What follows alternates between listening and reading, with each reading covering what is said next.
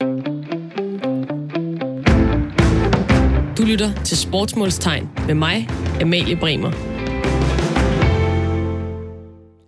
Velkommen til en øh, lille nytårsspecial af Sportsmålstegn. Det her det er et program, hvor vi stiller spørgsmålstegn ved øh, sportens verden og spørger os selv og hinanden om, hvad i alverden det er, der foregår. Det her det er som sagt en øh, nytårsspecial. Det betyder, at vi kommer til at snakke lidt om sport, der har noget med nytår at gøre, men mest fordi, at uh, Simon Kivits og jeg, vi har sjove hatte på her i studiet. Uh, Simon, du er idehistoriker og sportspodcaster, og så er du fast hushistoriker her i uh, Sportsmålstegn. Den er flot til dig have den. Ja, du skal vide, det er fandme få mennesker, der har fået lov til at beklæde mig med en hat. Så der håber jeg, at du er stolt. Den er lavet af sådan en, øh, en sølv, klassisk øh, nytårshat. Så har jeg også købt sådan nogle her, som jeg troede øh, sagde lyde. Men det gør de overhovedet ikke. De siger bare øh, bla. Men øh, ja, nok om det. Det er 1. januar. Folk ligger derhjemme og er fuldstændig kvæstet. Og, og godt nytår i øvrigt. Øh, det er fremragende. Øh, Simon, er du, er du klar til at, at komme lidt på arbejde? Hatten sidder godt i hvert fald. Det er jo tro. Sidder ved overenergisk 1. januar, da jeg er et eller andet fantastisk flabet, vil jeg godt kan lide. Det er genialt. Lad os øh, komme i gang. Radio 4 taler med Danmark. Simon, øh, hvad er mere 1. januar end skihop? Det er et godt spørgsmål. Det er der jo ikke noget andet, der er. Tømmermænd, men det hænger jo også sammen. Det er jo det. Altså hvert år, så bliver det jo skudt i gang med skihop fra øh, Garmisch-Partenkirchen. Og øh, det sjove er, at, øh, at jeg har siddet og set øh, rigtig meget øh, skihop. Øh, lige så meget som, som alle mulige andre sportsnørder, der ikke kan få nok. Og så selvfølgelig også øh, ser skihop, når det nu er det, der er på menuen den 1. januar. Øh, men det er godt for mig. Jeg ved faktisk ikke specielt meget om skihop. Øh, så derfor så tænkte jeg, at i år, der vil jeg blive lidt klogere på, øh, på den her fantastiske sportsgren. Øh, men du, du ved faktisk ret meget om, om skihop, Simon. Ja, altså, jeg, jeg så det rigtig meget som barn, og var stor fan af den polske Adam Maris og sådan noget, med det fine overskæg, der hoppede. Øh, men så havde jeg faktisk ikke set det rigtig mange år, men øh, sidste år, ja, det er så forrige år nu, øh, Øh, ja, altså den første, øh, første turnering, den her firebakketurnering, var jeg faktisk i Oberstdorf og se sammen med to kammerater med min, øh, min gamle sportspodcast Omklædningsrummet, hvor vi lavede live-rapportage dernede fra. Og Stærkt. Satte os grundigt ind i det og fik hele det der tyske, sydtyske, alpe, tyroler leben omkring øh, konkurrencen med. Det var øh, underligt. Det var underligt. Jamen, ved du, jeg tænker, at vi skal blive, øh, blive meget klogere på, øh, på både stemningen omkring skihop og også øh, sporten i sig selv, fordi at, øh, jeg tænker umiddelbart, altså det er rimelig vanvittigt at kaste sig ned af et, øh, et 100 meter langt hop, og så lande øh, på is øh, 250 meter senere. Hvordan er det lige, at man undgår at lande forkert og, øh, og dø, simpelthen? Det, det, det tænker jeg, at vi skal finde ud af, og øh, derfor så har jeg ringet til øh, Christian Borg, Christian, du har kommenteret skisport på øh, Eurosport i over 20 år og er kæmpe skihopselsker. Ja, det kan jeg vel ikke løbe fra, og så øh, kæmpe skihopsentusiast. Det kan, sådan er det vel bare. Fedt. Så vi har fået fat i den helt rigtige mand. Det håber jeg i hvert fald. Jeg har i hvert fald noget at byde ind med. Det, det, er, det lyder rigtig godt. Jeg tænker simpelthen bare lige, altså som sagt, så har jeg, jeg har set ski, ski, ski hop, øh, sådan as much as the next guy-agtig her øh, 1. januar. Men, øh, men lad os øh, prøve at starte fra en ende af. Altså først og fremmest, hvordan er det lige, man starter med at træne skihop uden at dø? Jamen, de fleste danskere har jo faktisk allerede, der, de fleste danskere, der prøver at stå på ski, har jo faktisk allerede taget de første par skridt til at hoppe på ski. Det er nemlig det med, at man starter på de helt små bakker. Man starter altså på 30 cm høje eller en halv meter høje hop, og så øver man sig derfra. Og når man så begynder at få en lille smule mere mod, så sætter man automatisk farten op, og man kravler op på de lidt større bakker. Så man snakker simpelthen om, at man bygger tingene op fra bunden. Så øh, øh jeg plejer at sige, at øh, de fleste, der er bare nogenlunde habile på ski, dem kan jeg sagtens få til at hoppe øh, måske 20 og 25 meter i løbet af en dags træning. Fordi det handler simpelthen om tilvænning, og det handler om mod. Ja, fordi det her mod, det må være en, en rimelig stor faktor i det, tænker jeg. Fordi en ting er, at du kan sige, man kan jo tage det trin for trin, og så, så er der måske, øh, ja, så er det små skridt, og lige pludselig så øh, hopper man rigtig, rigtig langt. Men, men der må være alligevel nogle, nogle hørtler, man skal over i forhold til det med modet, når man kommer op i de, i de helt store afstande. Ja, og det er jo der, hvor man, øh, når bakkerne begynder at blive så store, at det er jo egentlig er bygningsværker, det er egentlig konstruktioner, så begynder man jo netop at tage nogle større skridt. Så går du jo netop fra for eksempel fra 60 meter bakke til 70 meter bakke. Når man så går fra 70 meter bakke, så er den næste, det er altså en 90 meter bakke. Og 20 meter, det er altså noget, man godt kan både se og mærke. Og det er, øh, så på den måde, så er det noget, man bygger sig op til. Men på det, på det tidspunkt, hvor du faktisk begynder at hoppe den lille bakke, eller de mindre bakker helt i bunden, jamen så har du lyst til at prøve noget mere. Og så starter man simpelthen bare med lavere tilløbshastighed, sådan så at du skal være exceptionelt god for overhovedet at kunne svæve hele bakken til bunds. Så det er den her sammenhæng mellem tilløbshastigheden og teknikken, som så følges ad, og så bygger man sig op, og så får man bare større og større udfordringer. Og det er jo lidt ligesom med, hvad jeg vil sige, øh, folk, der gerne starter med at hoppe i, øh, på benene fra kanten i svømmehallen, og på et eller andet tidspunkt, så får man altså lyst til at lave en dobbelt salto for tieren. Det, det går jo en lige linje direkte over til, til skihop. Øhm, Christian, hvad, nu snakker du lidt om teknikken her, det er jeg også lidt, uh, lidt spændt på, fordi det, det må jo unægteligt være en kæmpe stor del af det, men det ser jo ikke sådan... Ja, altså, jeg tænker sådan noget som, øh, som slalom, for eksempel. Det er noget, som umiddelbart for, for det blotte øje ser lidt mere teknisk ud, men der må være sindssygt mange øh, lag i den her øh, skihops-teknik. Altså, hvis du, hvis du nævner du selv slalom som en, disciplin, hvor man kan se øh, detaljerne, hvis du så forestiller dig, at du tager lige og lægger netop øh, en masse andre faktorer oveni, som du så ikke kan se, så er det netop beherskningen af den lille detalje, som er det helt vanvittige med skihop. En, en halv grads vinkel på skiene betyder for eksempel øh, nogle gange måske 5, 6, 7, 8 meter i de rette vindforhold. Så, så, det, så det handler simpelthen om øh, ja, timingen, øh, timingen, farten, afsættet, teknikken, bevægelsen, og det hele skal hænge sammen, og det skal gennemføres på en tiende del af et sekund. Og hvad er det, man går efter, når man prøver at lave det, det perfekte skihop? Hvad, hvad, hvad er det for en, for en øh, ligesom, ja, hvad, hvad, hvad vil man gerne gøre så?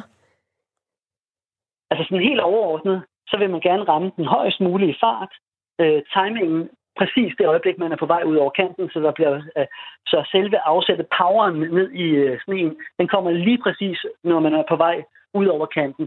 Og når man så er på vej ud, så gælder det jo altså at ud og komme så hurtigt som muligt og flytte sig fra æggepositionen, altså en aerodynamisk position, og så ud i svævepositionen. Og det skal jeg selvfølgelig gøre. Jo langsommere der om det, jo mere bremser du øh, svævebevægelsen. Og jo kortere tid har du den her sådan flyvinge-effekt, hvor du skal svæve. Og så gælder det jo om selvfølgelig at have den sublime teknik, så du kan holde positionen i luften hele vejen. Og når du så nærmer dig, så skal du være så iskold, at når du ser jorden komme farne imod dig med 100 km i timen, så skal du altså ture lige og trække den landingen lige øh, de der 5, 10, 12 meter længere, der gør, at du ikke bare havner ned i bakken, men du faktisk hopper bakken i bunden. Så det er sådan den her, og det, og det har du altså få sekunder til. Men, øh, og, så man, og det, man skal huske på, og nu, nu hørte jeg jo, at der er en, der har været i Oberstdorf i gang. Når man står ved siden af bakken, så kan man simpelthen høre det der buller og brag, når man hænger i luften. Altså, lydkulissen er dybest set fuldstændig vanvittig. Altså, du, du, altså det, det, kinderne bliver sådan de, de står og blaffer på dig, og lyden omkring ørerne brager simpelthen. Og så det er der, hvor du skal være fuldstændig cool og bare ligge og tænke, jamen, jeg gør det rigtigt, jeg gør det rigtigt, jeg kan godt se, at jeg kører direkte ind i snevæggen nu, men jeg tager lige 10 meter til. Det er jo en fuldstændig øh, ekstrem sport. Jeg kan mærke, at jeg får helt sug i maven, når du fortæller om det. Det lyder, det, altså, det er, jo, det er jo også mega farligt, er det ikke det? Nej, det er det, altså, det, er det faktisk ikke. Øh, hvis man ikke er særlig god, hvis, man altså, hvis du skal sige på den måde, hvis mm. man lander på det stejle sted på bakken, så øh, er det en relativ øh, øh sportsgren, hvor man har relativt få skader. Netop fordi, at far, øh, angrebsvinklen i forhold til bakken, du glider simpelthen farten af. Det er også det, man typisk oplever på alpinski, at dem, der kommer mest til skade, det er dem, der falder på de blå, øh, på de blå og på de grønne bakker, fordi man, når det kender jeg godt. Der, så, falder, så, falder, så falder man lige ned, og, og så, så, så rammer du nærmest vinkelret ned i jorden, og det gør ondt. Mm. Men hvis du er i fart, og man ser det jo også i sådan noget som road racing, altså motorcykelløb. Når man falder der, så glider man jo sådan set bare af, og så kan man rejse sig op og samle motorcyklen op og køre videre. Og det er det, der typisk sker i, øh, i skihop. Men overvindelsen at komme dertil, den er, den, er, den, den er der selvfølgelig. Men det er jo først, når man begynder at hoppe for langt. Og så, så, så, lander, så lander du netop ned på den anden side af det, man kalder for bakkens k-punkt, eller sikkerhedslinjen, som den også kaldes. Altså når man hopper for langt i forhold til de bakker, man er i gang på, mener du? Ja, lige præcis. Okay. Så, så får man smæk op i benene. Ja. Og hvordan med, med landingen? Altså nu var du, du var lige kort inde på det. Hvad, hvad, hvad er det, der, der ligesom gør sig udslagsgivende i forhold til at lave en god landing? Øh, der er selvfølgelig der er jo fem dommer, der giver stilkarakterer. Og det, altså, der, man kan dele op i, der er en sikker landing, der kan du flyve lidt længere, og så er der den stilrene landing, det er den, der giver lidt flere point. Og det er jo så der, hvor, hvor du undervejs i dit tvæv skal beslutte, om du går efter meterne, eller du går efter stilkaraktererne. Og det er jo sådan en, altså, hvis du er presset, så får du ikke lige overvejet det. Så, får du, så begynder du bare at lave den her sådan, sikkerhedslanding. Så begynder man bare at flakse med armene, og så prøver man bare at tage sig ned og så være glad for, at, øh, at det eneste, man fik med, det var et adrenalinkick. Og det, og, det, og det er jo det, det er, fordi det er en... Altså uanset om man hopper to, tre eller fire meter, altså jeg, jeg kan stadigvæk få den der sådan, følelse i kroppen af, at det her, det er bare fedt. Altså, altså kun, og, og, og, og, det, og det er jo det, de fleste på alpinski også oplever. Det er det der sådan lille nanosekund, hvor man lige føler, at okay, normalt hvis jeg var hoppet op i luften, så ville jeg være landet nu. Men nu landede jeg faktisk ikke. Og, og, og jeg landede ikke, jeg landede, altså, og så bliver det sådan lidt, oh, og så lander man så, og så tænker man, okay, det var sgu sjovt. Og så prøver man lige at starte, og så starter man lige tilløbet lige takken højere op næste gang, for lige at se, om man kan få lige en øh, tiende del af et sekund længere den her følelse, eller hoppe lige det længere. Og det er jo det, der, det, er jo det, der fanger børn, det er det, der fanger voksne, det er det, det, er det der bare gør, at det er skide sjovt. Jamen selvfølgelig, man skal lige helt ud på kanten og, og dufte til det så, bliver det, så bliver det ekstra sjovt. Men altså nu, nu altså jeg troede bare, det handlede om at, at komme længst. Ligesom når man ser hammerkast eller eller andet, så måler de bare, om det kom længst, og så er det sådan set ligegyldigt, hvordan det ser ud. Men nu, nu siger du stilpoint. Øh, hvad, hvad, hvad giver man point for? Jamen, man giver point for symmetrien, man giver point for, øh, hvor, hvor stilrent, altså hvor, hvor, hvor lige linjer der er. Og så er der den her sådan, lille historiske øh, hurdle, eller lille historiske twist med, at man har det, man kalder en telemarklanding. Det vil så sige, at man lander med den ene fod skudt frem foran den anden, og sådan lidt bøjet ned i ben. Det er sådan den historisk rigtige stilkarakter måde at lande på. Og det er jo egentlig en meget, med den er det jo en meget sjov historie, fordi den opfandt man, fordi øh, i gamle dage, hvor bakkerne ikke var særlig godt præpareret, så havde man nødt til at forskyde vægten fra den ene fod til den anden, for ellers ville man falde på snuden, når man landede i en dyb sne. Så der er så ofte opfandt man telemarklandingen simpelthen, og sagde, at det her det er den rigtige måde at lande på. Men i dag, hvor hvis man kun kiggede på længde, så vil man lande med parallelle fødder, og så, så vil i det øjeblik, man lander, så bliver man sådan set bremset op. Og hvis du lander med parallelle fødder, og du ikke hænger fast i hælen, så kan du godt se, så starter man sådan en forlænsrotation, ja. og så laver man simpelthen, så laver man simpelthen sneplov med krydderen ned i sneen. Og det er jo så derfor, at man gerne vil forsøge at lande i Telemark-landingen. Men at lande i den, det tager lidt længere tid at etablere den position. Og det betyder så, at man svæver kortere. Og det er jo så her, hvor man får sådan lidt den der sådan handel, vil, vil du gå efter længdepoengene, eller vil du gå efter stilkaraktererne? Fordi at det, og det dummeste, der kan ske, det er, at du svæver kort og lander dumt. Yes. Så vinder du i hvert fald ikke. Øh, men men er, det to, er det to forskellige regnskaber, eller hvordan bliver det lagt sammen, og hvad tæller mest, og hvordan, hvordan gør man det med, med pointene? Jamen, det afhænger af, hvor god du er. Altså, hvis du svæver rigtig langt, så er hver meter på for eksempel øh, Garmisch Partenkirchenbakken, altså den her øh, nytårsdagsskihop, der er hver meter, den svarer til 1,8 point. Hvis du lander med telemarklanding, så får du øh, typisk rundt regnet to point mere for de, for de tre tællende stildommer. Det vil så sige 6 point. Så du kan godt se, at det er lige om, men en manglende telemarklanding, den kan typisk give mellem 3 og 5 point, eller 3 og 5 meter. Det vil altså sige, at du skal være sikker på, at du får de 5 meter, hvis du ikke lander øh, på den, på den, med, med den med den hvad sige, rigtige stil. Mm. Fordi så sætter du pointene til. Og det er, en, det er en kold kalkyle. Og det er jo der, hvor der er nogen, der, er, der udmærket godt ved, at de skal gå efter stilkaraktererne, fordi de næsten altid sætter en sikker landing. Og så er der nogen, der ved, at de faktisk skal droppe det, fordi de ender alligevel kun med de her 17,5 ud af 20 point, og så kan de lige så godt gå efter længden hver eneste gang. Ej. Det, er, det, er der, hvor, det er der, hvor den enkelte hopper ved, hvad deres stærke og svage sider er. Og det er jo der, hvor det så begynder at blive rigtig fascinerende, fordi hvis du så lige kan finde den der lille ekstra twist, der gør, at den stilrene hopper vinder to meter, så er den jo pludselig meget, meget bedre end de andre. Det, hej. Øh, det var så, jeg bed fast i den, øh, den ting, du havde med det her historiske lidt tilfældige, men man havde vedholdt øh, telemarkslandingen øh, som værende, værende sådan noget, man, man forventes at skulle lande med, og også, øh, også bliver bedømt på det, jeg ved bare, jeg ved bare der, har, der har været en del øh, historisk med forskellige også svævteknikker og sådan noget, at øh, altså hele det her, det her V-svæv, øh, som, som kom frem i midt 80'erne og sådan noget, at man har jo hoppet på forskellige måder førhen, og man har ikke altid været, været lige positiv i starten, når man har, øh, når man har, der har været innovation på de her spring. Altså, hvad er det for nogle, hvad er det for nogle springtyper, man har været igennem? Jamen, der har jo været en, øh, altså, der har været en, en række skoler af, af skihop gennem tiderne. Den mest øh, toneangivende øh, sådan, op gennem 50'erne, det var sådan den her med, at man skulle, øh, skulle have armene fremme øh, og prøve at række frem efter skispidserne, for på den måde at danne en flyvinge øh, udseende med de, øh, men, men stadigvæk med parallelle ski. Så blev det det her med at prøve at få mere aerodynamik, men med armene ned langs kroppen, men stadigvæk med parallelle ski. Og så kom der så der i slutningen af 80'erne netop, som du er inde på, en, øh, en ung svensk, som hedder Jan Bukløv, som ved en fejltagelse var ved at miste balancen i luften, og så bredte skibet ud i V-stil, og pludselig opdagede, at hov, nu svæver jeg jo pludselig monster meget længere, når jeg gør det her. Og han var netop en af dem her, som egentlig ikke var specielt god øh, hopper før det her. Men han kunne regne ud, at hvis jeg vinder 10 meter på længden, så, øh, så får jeg vundet de point, som jeg ellers taber på stilen. Og så pludselig, så begyndte han jo så at vinde øh, konkurrencer og skabte ufattelig meget diskussion i skihopverdenen i slutningen af 80'erne, starten af 90'erne. Netop fordi at der var rigtig mange, der bare havde lyst til, øh, om man kunne diskvalificere ham eller trække endnu flere stilkarakterer for ham, simpelthen fordi man synes, at det ikke var den traditionelle, rigtige stil, han hoppede med. Fantastisk. Men i, løbet af få, men i løbet af få år, så skete der jo så det, at reglerne, altså alle begyndte at hoppe med V-stil. Ja, så, så det ligesom kom til at tage over og blive, blive den her måde, at det blev gjort på, blev anerkendt af dommer og så videre også, ikke? En, ja, en, der er, der er, hvis man kan blive hængende i det, der er faktisk en meget, vildt, øh, ja. en meget vild historie tilbage fra 91, netop med den her situation.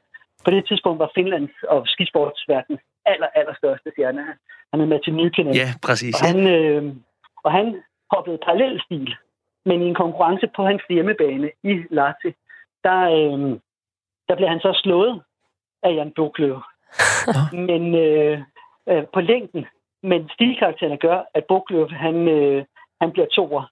Men øh, Finden, han øh, vælger simpelthen den her gestus at sige, at til præmieoverrækkelsen, der vil han godt have svenskerne op og stå ved siden af sig, fordi han vidste godt, at det her, det var fremtiden. Og i dag, der mente han selv, at han var blevet slået af en, der havde hoppet bedre end ham. Ej, hvor sejt. Og det er jo så den her, den her Matti Nykänen, som vi jo sagde farvel til i 2019, øh, som også øh, mange er betegnet som skihoppens bad boy. Øh, var der ikke også noget med, at den måde, han hoppede på, var sådan en ekstra, ekstra farlig, ekstra, øh, ekstra søgende, eller sådan. Jeg kunne ikke helt fange, hvad, hvad han gjorde teknisk anderledes ved, ved det her. Jamen, altså lige med Nykänen, der har vi jo at gøre med en, øh, en superstjerne i, altså i, i, i, i en klasse så meget højere end alle andre. Og, og så også på, og jeg vil sige, alle andre af livets fronter. Øh, ikke bare på ekstremerne, men også lige ud på kanten, ikke? Altså, han, han havde jo et ordsprog der engang, Nykänen havde jo et ordsprog, der sagde, at øh, hvis du har en grænse, så kan du være helt sikker på, at jeg har været på den anden side af den. han lyder som en fed type. Ja, altså, jeg ved ikke, om du synes, det er, altså, hans liv ved siden af var jo, var jo altså, hvis man skal snakke om Nykänen, han var også en af de her typer, som, hvor tingene fuldstændig eksploderede øh, rundt om ham. Altså, han er den eneste, der har vundet alt, der var at vinde i skihop. Altså OL, VM, øh, skiflyvnings-VM, firebakketurnering, øh, World Cup, øh, you name it. Øh, men i, i livet ved siden af, der vandt han ikke sådan rigtig meget. Altså, jeg kan ikke huske, om det var fire eller fem gange noget at blive gift, og jeg tror, det var de tre eller fire konerne, han endte med at få en fængselsdom for at have været voldelig overfor. Hold da efter. Ja, okay. Ja, så, så, så det er ikke en, ikke en fed fyr, men, men en Vi, vild fyr, tror jeg, vi kan sige, ja. Skihoppens ja, skidte fyr. Altså, Ja, altså han, han nåede jo så også både at, øh, at have en karriere som, øh, som stripper og rockmusiker. okay, er der nogen, der har skrevet hans øh, memoir endnu, eller... Øh? Altså, der, der, der findes en del. Altså, hans... Øh, og det, der er jo det mest vanvittige med ham, det er jo, at han... Øh, altså, det mest specielle med ham, det var jo, at han, han øh, var så en umiddelbart en så øh, udadtil meget stille og rolig fyr, og som bare lå skiene snakke. Men så var der altså de der dage, hvor, hvor tingene bare gik øh, du ved, helt galt for ham. Ikke? Mm. Altså han endte jo også med blandt andet øh, under en, øh, et, et drukspil med en kammerat, hvor de efter sigende historien går, at de lavede sådan noget fingerbrydning, og han synes, at vinden snød, hvor efter han stikker ham i ryggen. Ikke? Oh. Øh, okay, men han er jo full on øh, crazy person, ham der. Altså.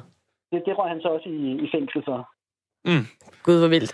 Øhm, hvordan, altså nu, øh, nu snakker vi finner og svensker og så videre. Altså her i Danmark, der har vi jo også, øh, vi har det koldt, og vi har noget sne en gang imellem og sådan noget. Altså, har, har vi nogensinde været en, øh, en stor skihopsnation? Stor nej, men skihopsnation ja. Øh, forstået på den måde, at øh, der har jo været øh flere skihopbakker spredt rundt omkring i, øh, i Danmark. Mest kendt er jo nok øh, Holtekolden nord for København. Ja. Og det er jo, den bakke, den, øh, den findes jo stadigvæk, altså man kan stadigvæk se øh, afsættene. Der ligger to små, en stor og en lille bakke ved siden af hinanden, og øh, det, hvis der kommer sne, så vil man stadigvæk kunne hoppe på dem. Og hvad, øh, nu, nu der er sådan et, øh, et navn, der rumsterer, når man, øh, når man snakker skihop, og det er, det er Olof Ry. Kan du prøve at fortælle lidt om ham? Øh, så er vi jo helt tilbage i, øh, i, i den helt gamle dage, kan jeg næsten høre. Ja. Altså, altså hvis du tænker på, øh,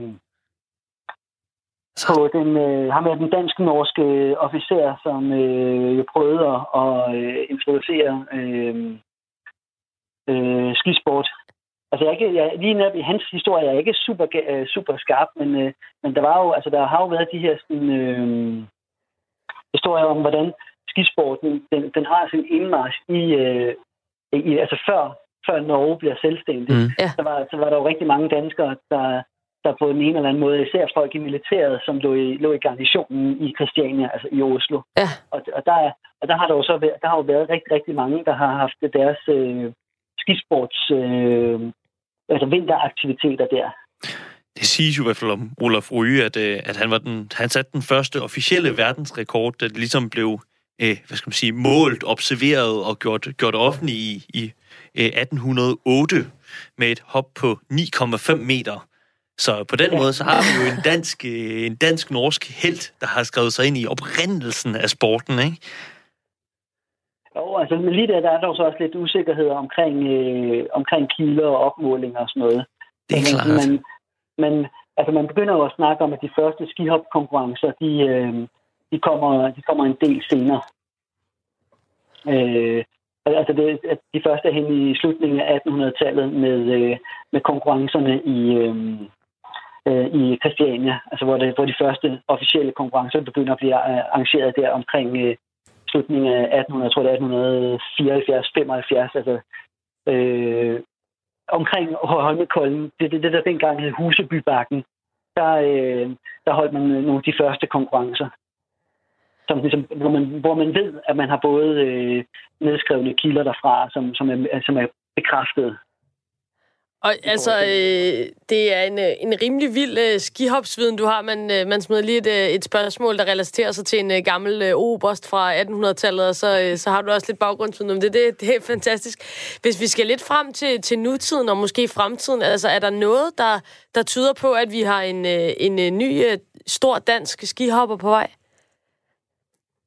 Øh, nej, det, det er der ikke. Altså, der, øh, der, der har været en, øh, en ung fyr, øh, der boede i, øh, i, i Lillehammer og trænede der.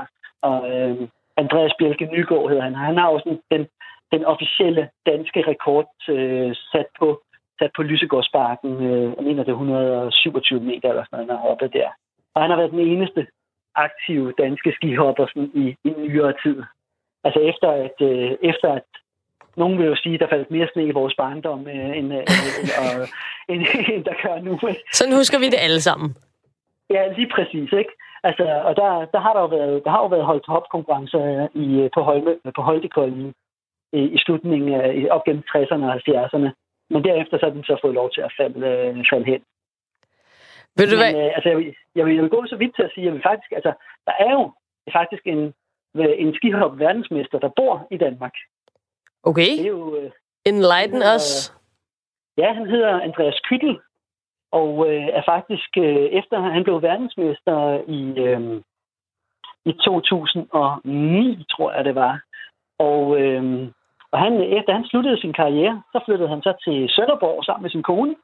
fordi, og, og så, øh, der, så har jeg jo haft, øh, altså siden da har jeg haft fornøjelsen af, hvis der ved, ved nogle af de større øh, skihopkonkurrencer, og så er ham med i kommentatorboksen på Eurosport.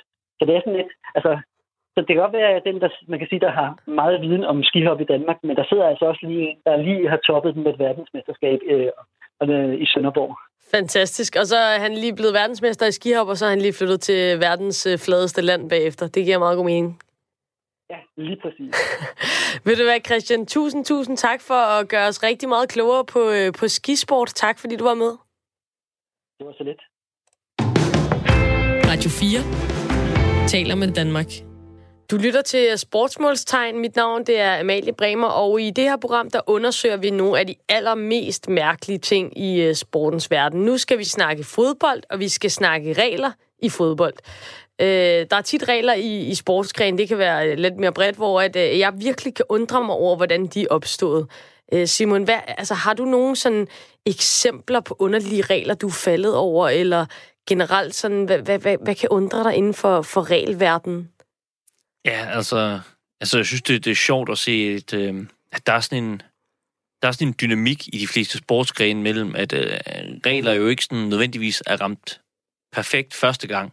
Så derfor så, øh, så, er der sådan, så prøver man løbende at animere sportsgrene ved at lave nye regler, og så tilpasse dem igen. Det kommer vi nok til at se til fodbold med det nye video uh, assisting referee. Video var, assistant referee. Uh, VAR-system, der på, på sin vis er fint og katastrofalt, og hvordan armhuler lige pludselig er afgørende for Det bliver noget med at, at barbere sig under armene og øh, på benene, fordi der kan altså godt være et, øh, et lille hår, der sidder der er nye, nye trends inden for, inden for mændemode måske også på vej der, så... Det, det bliver jeg... meget hårdfrit og aerodynamisk i fremtiden. Øh, men altså, en af de regler, som øh, bonger max ud på underlighedsskalaen, det er, øh, i hvert fald hvis man spørger mig, det er det faktum, at, øh, at man tager indkast i fodbold. Altså, prøv lige at, at smage på det en gang, Simon. Man tager bolden op i hænderne. Det er noget, som ellers er totalt forbudt i fodbold. Og så kaster man den ind i spil. Og det er, sådan, det er jo bare en del af fodbold. Det er bare, sådan er det bare, vil de fleste nok sige. Og så siger jeg bare, forestil dig i håndbold, at når den havde været ude over siden, så skulle de tage den og lægge den ned på jorden, ned på, på halvgulvet, sparke den ind til en medspiller, der så samler den op, og så fortsætter spillet derfra. Det er da det samme. Altså i futsal og indendørs fodbold, og sådan, der, er det, der sparker man da der er der heller ikke indkast på den måde, som det er. Der er, der er et eller andet mystisk det, det, den her fodbold. Det virker, øh, det virker altså rimelig, rimelig underligt. Så, øh, så jeg vil gerne vide selvfølgelig, hvordan og, og hvorfor øh, det er blevet sådan. Og øh, det håber jeg, at øh, Leif Plagborg, Plagborg undskyld, kan gøre os lidt øh, klogere på. Leif, du er næstformand i Danske Fodbolddommer. Det er jeg, det er rigtigt. Og, og indkast, ja, det lyder mærkeligt, at man kaster bolden ind i, i fodbold. Fordi der går det ud på at sparke. Og man kan selvfølgelig sige amerikansk fodbold. Øh, der, der kaster man faktisk bolden det meste af tiden. Men, men sådan er der så meget jo. Jamen, altså, det, det, altså det, det lyder jo lidt dumt, øh, at man skal kaste bolden ind. Altså, hvordan er den regel opstået? Ja, jeg ved det sådan ikke helt præcis, men går vi nu tilpas langt tilbage i tiden, mm. så øh, er der to spil, der er engelske, øh, som vi i dag ikke forbinder og har ret meget med hinanden at gøre. Det er, det er fodbold, og det er rugby. Og i rugby, der har man ingen kaster. Der kaster man også bolden rundt ind på banen. Der må også gerne sparke med men, men der kaster man med bolden. Og fodbold og rugby er jo sådan set opstået nogenlunde samtidig. På et tidspunkt så var der en, der synes det var dumt at sparke til en fodbold, så tror han hånden op i hænderne. Bolden op i hænderne og løb med den, og så, så har vi lige pludselig også fået rugby. Og, og det har man sådan set øh, holdt fast i, det her indkast, og det går altså helt tilbage til, til spillens oprindelse til synligheden. Så det er ikke umiddelbart sådan, at, at det har ikke været anderledes på noget tidspunkt, altså at man har haft et, øh, et indspark, for det var også det, vi, vi nævnte lige futsal for eksempel, det er jo så en, en, en noget nyere ting, men, men uh, i, i almindelig fodbold i anfaldstegn, der, der har det altid været sådan, at man havde indkast. Mm, ja, man lavede for en del år siden, er det, 15-20 år siden, jeg gæt på, der lavede man faktisk et forsøg, hvor man prøvede på at lave øh, indspark i stedet for. Okay. Og det, det blev ikke nogen uh, rigtig god succes, for at sige det pænt, fordi uh, det tog for lang tid. Nå. afvikle de her indspark. Og så øh, var der jo også øh, det der med, at man tog alle de andre ting med, som øh, hører med i fodbold med afstandsreglen med 9,15 meter væk af en mulighed for, at man kunne sparke det her indspark ordentligt. Ah. Og det var ah. simpelthen for besværligt. Det tog for lang tid. Så det blev nærmest ligesom bare som om, der var et frispark på linjen? Ja. Og, hvor man kan sige, at futsal er en anden type fodbold, hvor tempoet er meget højere, hvor der er meget mere fokus på den der afstandsregel, er meget nemmere at overholde for spillerne. Fordi der, der går man til spil på en helt anden måde. Fordi der er der også krav om, at man skal tage bolden hurtigt i spil, og folk så overholder afstandsreglen. Selvfølgelig. Så, så altså, jeg er lidt nysgerrig på, hvad er det, man, man kigger på, når man skal ændre eller tilpasse reglerne i en, i en sport som fodbold? Altså i fodbold, der hedder det jo, at hvad, hvad forventer spillet? Hvad forventer dem, der spiller det? Hvad forventer dem, der ser på det? FIFA, de kalder det what football expects. Okay. Kort og godt. Det er det, man prøver på at lave om øh, på, når man laver regler. Og det er jo ikke nogen hemmelighed, at øh, til indeværende fodboldsæson, der jo startede øh, lige efter sommerferien, der kom der en helt lille regelændringer. Ja. Og nogle af dem gav rigtig god mening. For eksempel så stod der i de tidligere regler, at når målmanden parerer en bold, altså med hænderne med armene, som han lige så godt kunne have grebet, så må han faktisk ikke samle den op, når han kommer længere ud i straffesparkfeltet. Det var aldrig en regel, der blev brugt. Den Nej. regel så fjerne. Fordi det gav jo ikke mening at have en regel, man ikke brugt. Og i øvrigt var det fuldstændig ligegyldigt, fordi målet det var jo, at målmanden han skulle få sat den her bold i spil, og det gjorde de jo. Så det var ikke noget problem. Der var ikke nogen, der brugte den. Der var ikke nogen dommer, der dømte efter den. Det lyder helt... Jeg troede, jeg kendte alle regler i, øh, i fodbold, men der kan man bare se... Og, og så kan man sige, så er der jo nogle forskellige regelændringer, der gør, at, at spillet skal komme hurtigere i gang. Øh, en anden regel, øh, den er nogle år gammel, der er ikke så mange, der sådan set kender den, øh, og den giver indimellem også en del panik, når den bliver brugt, fordi der er nogen, der vil brokke sig rigtig meget over den. Det er en spiller, der er i en offside-position, øh, så står han på modsatte halvdel. Hvis han så løber ned på egen halvdel, Mm. og det første dernede, han spiller bolden, så er det faktisk dernede, man tager frisparket. Det er der ikke ret mange, der ved. Nej, Fordi ved du hvad, det hørte jeg godt forleden dag, faktisk. øh, som, som et eksempel på, på en regel, men sådan, den giver nogle udfordringer for dommerne, og det gør den sådan set på alle niveauer. Det er selvfølgelig øh, mest, skal vi sige, på, på serieniveau, på bredde niveau, at folk de har tid til at brokse over det rigtig meget, fordi øh, der går spillet ikke helt så hurtigt, som det gør i, øh, på topniveau. Jo. Ja, fordi jeg tænker, altså noget af det, du snakker om her, det er jo, altså, der, der er nogle ukendte regler, og det vil jo næsten komme til at bide dommerne i røven, at de, at de følger reglerne. Øh, det, det er jo også helt underligt. Jamen øh, altså, der er jo nogle ting. Øh, vi kan alle sammen spille fodbold, vi kan også alle sammen give os i kast med håndbold, uden at kende øh, specielt mange af reglerne. Men prøv at tage et spil Ludo eller et spil Vist derhjemme, hvor der ikke er enighed om reglerne. Det, det ender jo i fuldstændig kaos ret hurtigt, for at sige det pænt. Så øh, altså, hvad, hvad kigger man som dommer på? Hvordan skal man, øh, hvad, hvad, hvad snakker I om i, i danske fodbolddommer, når man for eksempel kommer med sådan en, en ny regelændring, eller der er nogle gange måske, at, at, at I sætter fokus på nogle af de mere ukendte regler. Hvordan skal man forholde sig i forhold til, til spillerne, som ikke kender reglerne? Jamen, der er jo virkelig to udfordringer, øh, eller tre i den her situation. Det er, hver gang der kommer en regel, øh, ændring, eller en ny regel til et. Spillerne, de skal kende den, fordi nogle af reglerne er ret vigtige at kende, fordi de spiller ret meget med dem. Øh, nogle af dem er måske knap så vigtige. Øh, regel num- udfordring nummer to er, at dommerne skal kende de her regelændringer, fordi dommerne skal ud og dømme efter dem. Og på alle niveauer skal de også i et eller andet omfang være i stand til at forklare, hvorfor de dømmer, som de gør. Øh, og så den tredje udfordring, det er dem, der står udenfor. Og det kan både være trænere, og det kan også være tilskuere. Mm. Forstår de egentlig, hvad der er, der foregår? Når der kommer nogle nye regler. Og, og for eksempel den der offside-regel, dengang øh, den kom, der, der er den letteste forklaring for dommeren, det var hele tiden, jamen det er den nye regel. nye regel, så er det nok rigtigt. Dommeren han har styr på det. Det kan man selvfølgelig altid, øh, altid dække sig ind under. Øhm, jeg, har, jeg har lige øh, to lidt, lidt mindre ting her, inden jeg slipper dig. Det første, det er, det er øhm, buen. Altså den lille bue, der er ude, øh, ude foran feltet. Har den ja. nogen anden funktion, end, øh, end når der skal tage straffespark? Eller, eller hvad er meningen der? Overhovedet ikke. Det er for at sikre, at spilleren de er 9,15 meter væk, når han har straffespark. Så det er simpelthen eneste grund til, at den er der? Ja. Okay, jamen øh, det, var det var jo nemt.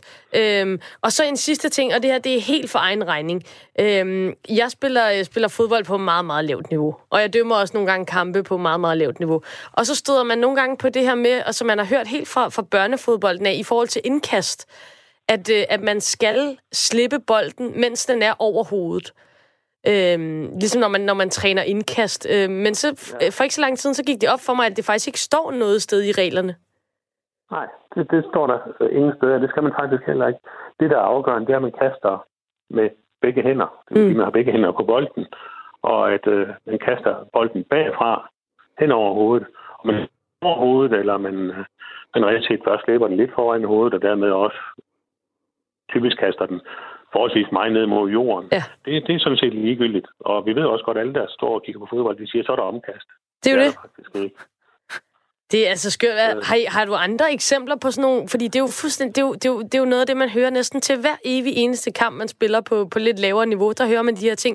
Har du andre eksempler på, sådan, på misforståede regler? Det er jo også, man skal stå uden for banen om kast og indkast. Det står der faktisk ingen steder, man skal. Man må gerne have øh, begge fødder på linjen, således at det meste af støvlen, som jeg jo typisk spiller i, den er inde på banen. Man skal sådan set bare have kontakt med linjen. Okay. Ja. så... også kan man stå bag ved linjen, det er også okay. Men, øh, men, men så bare en... Øh... Ikke, ja, hele, hælen, den sådan set har kontakt med linjen bagud, så kan man godt have sin størrelse 45 stående, det meste af den inde på banen. Fantastisk. Det, det kunne være, at man, øh, man en dag faktisk skulle sætte sig ned og, og nærlæse fodboldreglerne, så kunne man da kunne få lidt fordel, tænker jeg faktisk. Det, det tror jeg faktisk godt, man kunne bruge nogle af reglerne ret aktivt. Altså, jeg glæder mig stadigvæk som aktiv dommer til at komme ud og se den, der, den dag, der er nogen, der sparker et frispark ind i et uh, mål uh, direkte, uden der er andre end sparker, der rører bolden. Hvad, hvad folk så gør, når det så bliver dømt hjørnespark. Så er der hjørnespark? Ja, man kan altså... ikke lave selvmål på en igangsættelse. Wow.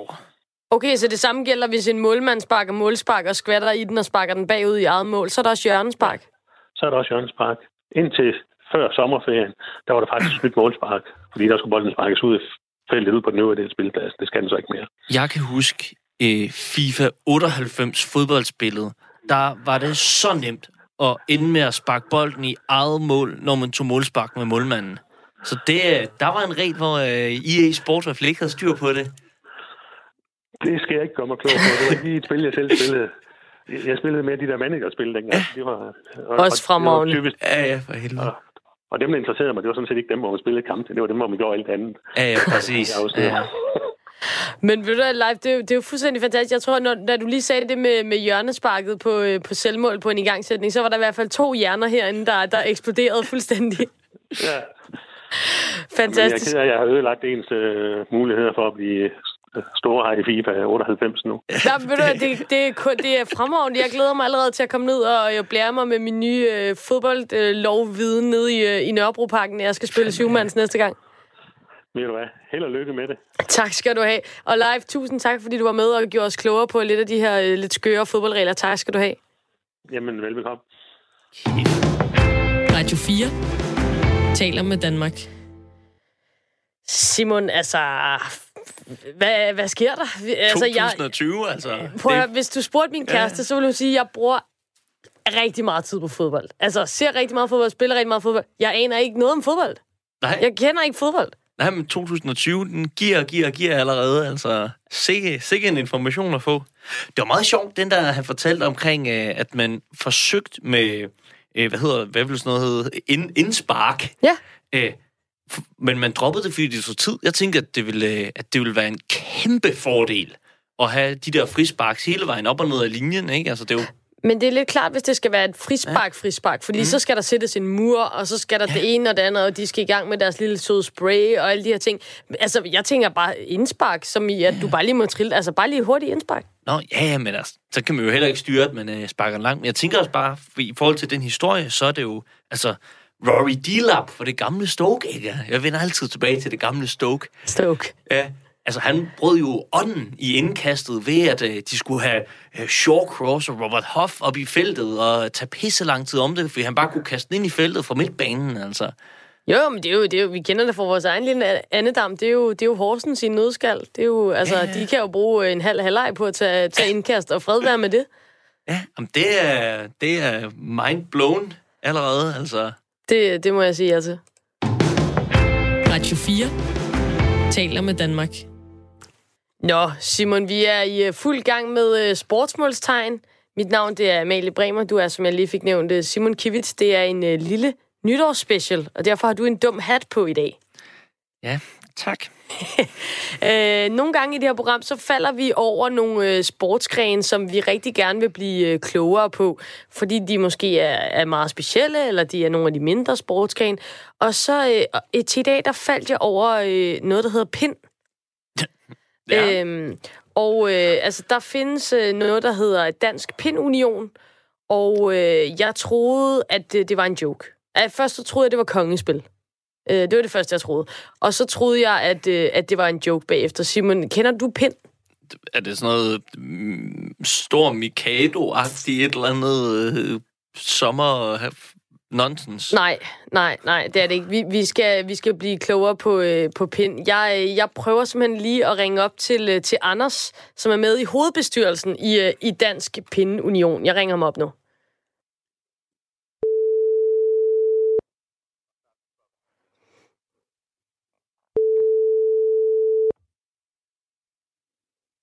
Hej, Anders K.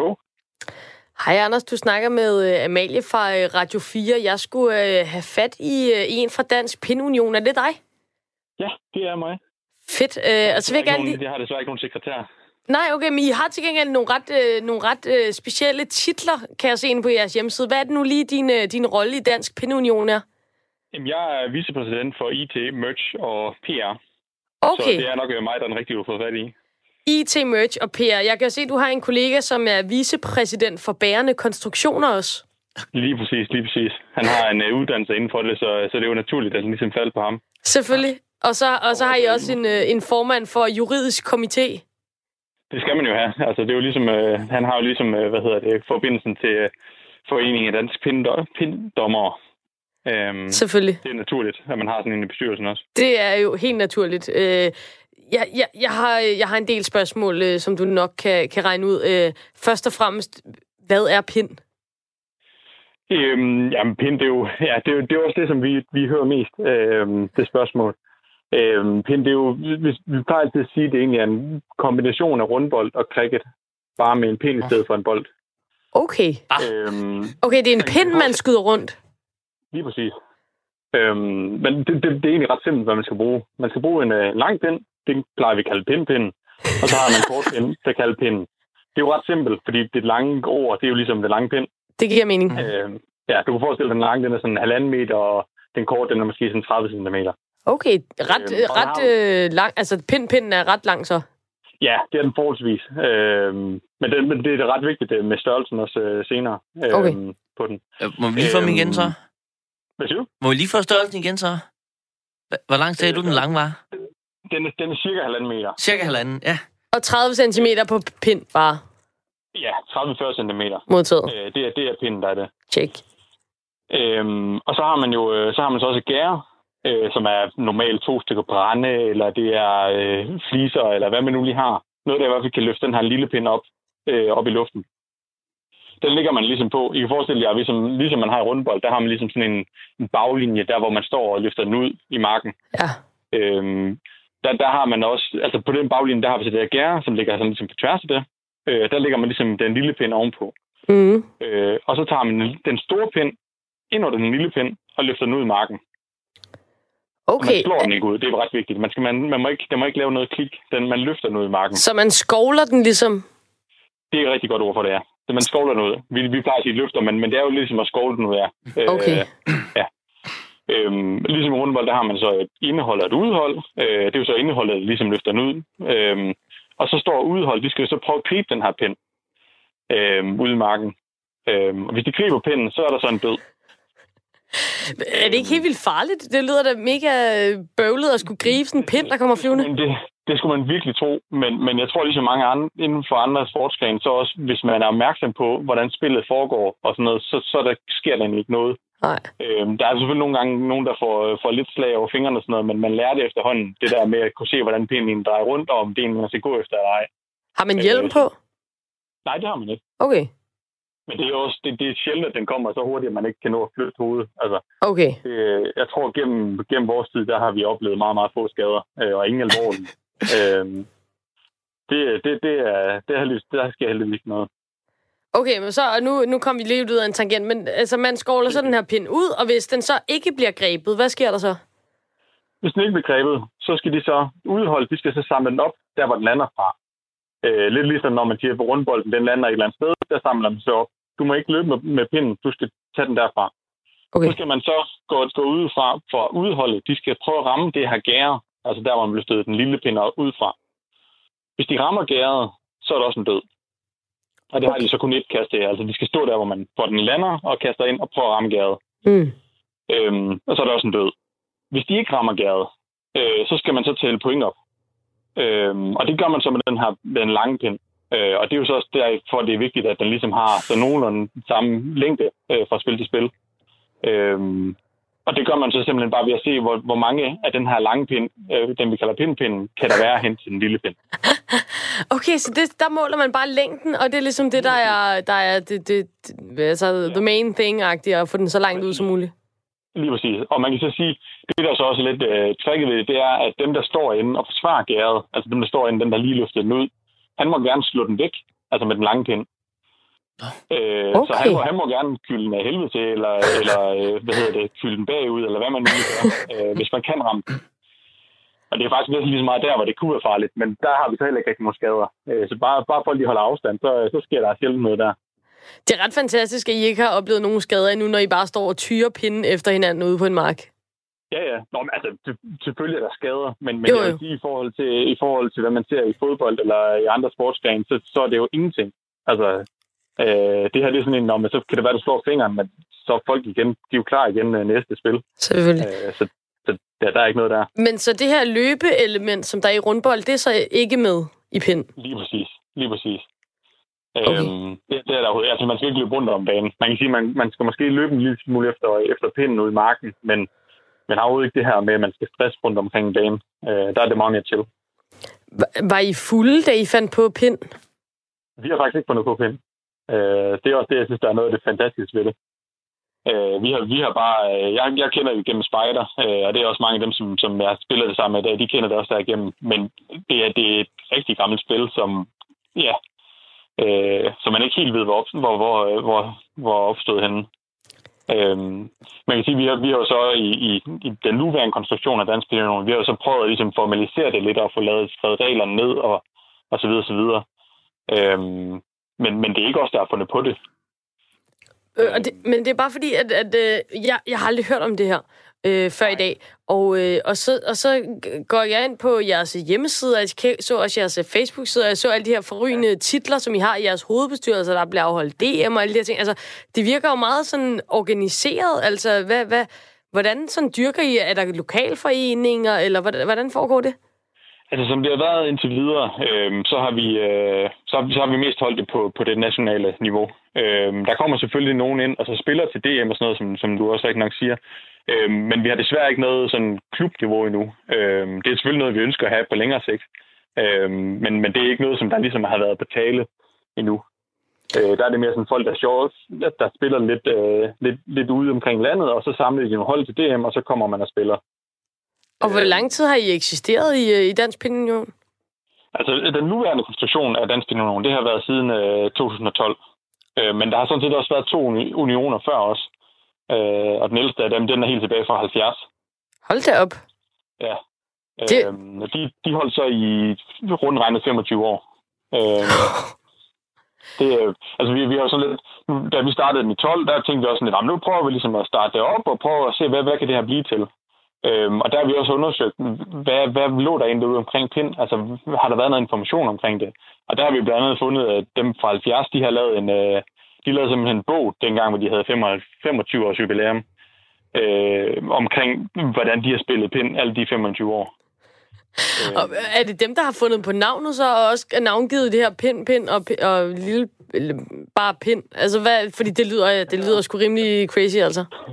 altså, der er, der, er, der er mange kære barn og mange navne. Øh, der er også nogen, der kalder det pind, pind, og, og vi har hørt alle mulige forskellige ting, men vi kalder det bare pind, fordi det er ligesom en reneste form. Ja. Øhm, men, men det er også, der, der er vi også tilbage til, vi, vi har fundet jo, vi har også fundet et leksikon fra 1924, hvor det også blev nævnt pind i.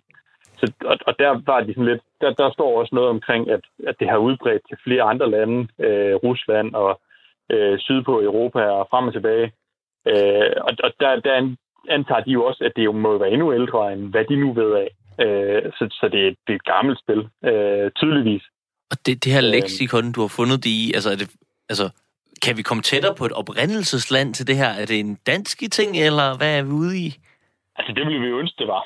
øh, men det, men det, det, det, det tror jeg desværre ikke, øh, vi har noget tættere på. Øh, altså, vi har jo vores egne teorier omkring, at det stammer helt tilbage fra, øh, fra før Jesu tid. Øh, ja, tak. Men, men, men, det, men det er ikke noget, som vi... Altså, vi kan desværre ikke se sådan konkret lige her er det. Øh, er det mest noget, I håber på, eller er det... Er det sådan mest noget, I håber på, eller er det, er det sådan noget, I, hvor, hvordan, hvordan tænker I, at I kommer frem til, til det? Altså, vi, vi kan jo sige, at der, der jo findes jo flere steder i Danmark, hvor man ligesom har, øh, har nogle stednavne, som hedder noget med pind. Og, og vi, vi har jo kun, vi tror jo kun håbe på, at det kunne være noget med det at gøre. Øh, altså, der er for eksempel et sted, der hedder Pinstrup. Øh, hvor, hvor, øh, ja, præcis. Hvor, hvor der er en, en mose, som, hvor vi lidt... Altså, der håber vi lidt på, der kunne jo godt ligge den ældste pind. Det tænker jeg. Øh, ja, præcis. Øh, og, og det er jo lidt det, som, som, det, det er jo det, som vi var tror på. Og det er jo også bare det, som vi ligesom prøver at bygge det hele omkring. At vi, vi tror jo på, at det er, det er jo stort. Eller vi ved jo, det er stort selvfølgelig. Øhm, helt klart. Og det, og det synes jeg også, man kan, det smitter jo af, når man øh, kigger på jeres øh, hjemmeside, og når I også, altså du er, du er vicepræsident for IT og PR og merch. Altså det, det, er, jo, det, er, jo, øh, det er et stort brød i slop. Altså det, det er fedt, synes jeg. Helt klart. Men der er jo, der er jo ingen grund til, at vi, vi, vi synes jo, det er bedst i verden, så hvorfor, hvorfor gør det mindre, end det er? Selvfølgelig. Det er jo klart, når man næsten kan finde referencer i det nye testamente. Og... Men jeg, jeg vil også gerne høre, hvor langt, hvor, hvor langt kan I slå pinden med pinpinden? Hvad, hvad for nogle distancer taler vi om her? Når, når man løfter den ud... Løfter, øh, undskyld. Så tror jeg, ja, det er helt fint. Det, altså, når, når vi løfter den ud, så tror jeg måske, vi er omkring pin, øh, 20 pinpin-længder, som vi kalder det. Og det svarer jo så til cirka 30 hvad er det, 30 meter. Øh, men dem, når vi så... Altså, efter forsvaret, altså der, hvor du ligesom har slået den... Altså, hvor man har kastet den tilbage mod gæret, mm. og de har slået den ud, der har vi haft, øh, der har vi haft dem omkring 15 meter. Eller, ja, der er 15 pinpin-længder, hedder det, ud. Øhm, det er det der omkring rekorderne ligger. Øhm, det er også en chat alligevel. Ja, præcis. Og det er jo, det er jo også den der med, så kommer den der pind flyvende tilbage igen, og det er jo det er også noget af det, der er lidt spændende ved det en gang imellem. Øhm, til DM i, øh, i vi her sidste år, da vi holdt den, øh, der, der røg den også ind igennem kommentatorboksen på et tidspunkt. Det Holder I øhm, livestreaming med, med kommentatorer og sådan noget? Ja, ja, ja, ja. Øhm, vi, de sidste to år, der har vi, der har vi holdt det stream, der har vi streamet det live på Facebook. Øhm, og i 2017, der holdt vi det på, øh, i forbindelse med Spartans Lejr, der, der var nede i, øh, i Sønderborg, hvor, øh, hvor radioen den kom ud og streamede live også, øh, hvor de ligesom havde radiokommentatorer på. Selvfølgelig, det lyder genialt. Og det, nu har du nævnt det her uh, spider noget uh, flere gange. Er det, er det sådan oprindelsen i, i Danmark, eller er det bare lige jer gutter, som har taget det videre nu, der kommer derfra, eller hvordan? Det, det er der, hvor vi kommer fra. Øh, vi kommer fra spejderverdenen, og det er der, hvor jeg også selv kender det fra. Men, men det er jo sjovt, det er for eksempel, øh, det er jo også der, hvor jeg vil tro, de fleste er. Men når man snakker rundt omkring med folk, så kender de det jo fra alle mulige steder. Øh, og blandt andet dem i 1970, den der startede Pinunionen der, det var nogle, nogle jazzorkester i, øh, i Aarhus, der startede det. øh, og, det. Og det er noget, jeg på en eller anden måde vil ønske, jeg, jeg selv har fundet på, men, ja. men det er det ikke. Altså, det er virkelig... Det, det er, der er, det er Papa på den her fortælling. Så der er Papa Bu og Viking Jazzbandet vinklet på fortællingen. Ja. Ja, sådan. Øhm, det er, det er, jeg synes, det er så fedt. Øh, og det er jo noget af det der, som man godt kan læse i den der, jeg tror, den hed I Pindens Tid. Øh, den her, den de udgav i 2000 og, eller, ja, i 95. I Pindens Tid, det er altså det er julegaven til mig i år 2020, vil jeg bare sige. Jamen, det, det var med sluttet bagud. ja, tak. Vil du være, Anders, uh, tusind tak for at, uh, at gøre os klogere på, uh, på pind. Altså, vi vidste intet om det i forvejen, og nu føler jeg faktisk, at vi ved ret meget, og jeg har jo også lyst til at prøve at spille det, så, så tak for det. For. Jamen, alle er velkommen til at kontakte os, hvis de har lyst til at prøve at spille det. Det er Fedt. bare ind på spilpind.dk, og så kører det bare. Sådan, og jeres hjemmeside ser, ser godt ud, og jeres billeder, hvor I poserer med, med også sportskolager, den legendariske, kan jeg rigtig godt lide, så tillykke med det også. Det er jo den uofficielle sponsor af, af Dansk Pin Union. det er altså godt. Tusind tak skal du have, Anders. Det var så lidt. Okay. Altså, Simon, vi, vi kan jo godt sådan prøve at fælde lidt dom her. Altså, det er sådan, i det her program, så snakker vi jo med en masse af de her små, mindre sportsgrene. Er, er pin en sport, hvis man spørger dig? Jeg skal, jeg skal lige tykke på den her, altså... Jeg vil sige, jeg kunne ikke lige helt forstå alle elementer. Noget med, at man gerne må kaste pindpinden tilbage, væk fra banen også, og sådan noget. Det... Nej, lige den der ja. tilbage-ting, den forstod jeg heller ikke. Men altså, jeg tænker, det er da ret sådan ja. sportsagtigt. Altså en blanding af rundbold og, og cricket. Det der, sådan, der er der ting, der, der er mindre sportsagtige, ja, som det har kaldt en sport. Sammen, men man har i hvert fald taget, uh, taget, taget løbet ud. Jeg forestiller sig, at man godt kan være, kan være i, i god barform øh, til ja. at tage den. Det kan man jo også til dart og minigolf. Pind er for alle, som der blev sagt. Nej, så, det er øh, smukt. Så det, det synes jeg altså så fremragende. Vi køber den. Altså. Den er købt herfra. Ja. Radio 4 taler med Danmark. Så er vi ved at være færdige med sportsmålstegn for i aften. Mit navn det er Amalie Bremer. Simon Kivits, du har været med øh, til en lille nytårsspecial. det har Du jeg. har øh, stadig din sølvhat på. Ja, Den, Også den dig. klæder dig. Det, har- det har jeg også, og den klæder mig mindre godt. Men, øh, men det er, som det er. Øh, vi er færdige her fra, fra den 1. januar i, øh, i det nye årti. Øh, husk, at I altid kan skrive til mig på Twitter, hvis der er noget i øh, sportens verden, der, der undrer jer derude. Så tager vi, øh, vi meget gerne fat i det. Det kan være store og små ting, men øh, I skal ikke holde jer tilbage, hvis der er noget, der undrer jer. Øh, I kan altid lytte med igen øh, i Sportsmålstegn. Det er hver onsdag kl. 20.05 her på Radio 4. Vi lyttes ved.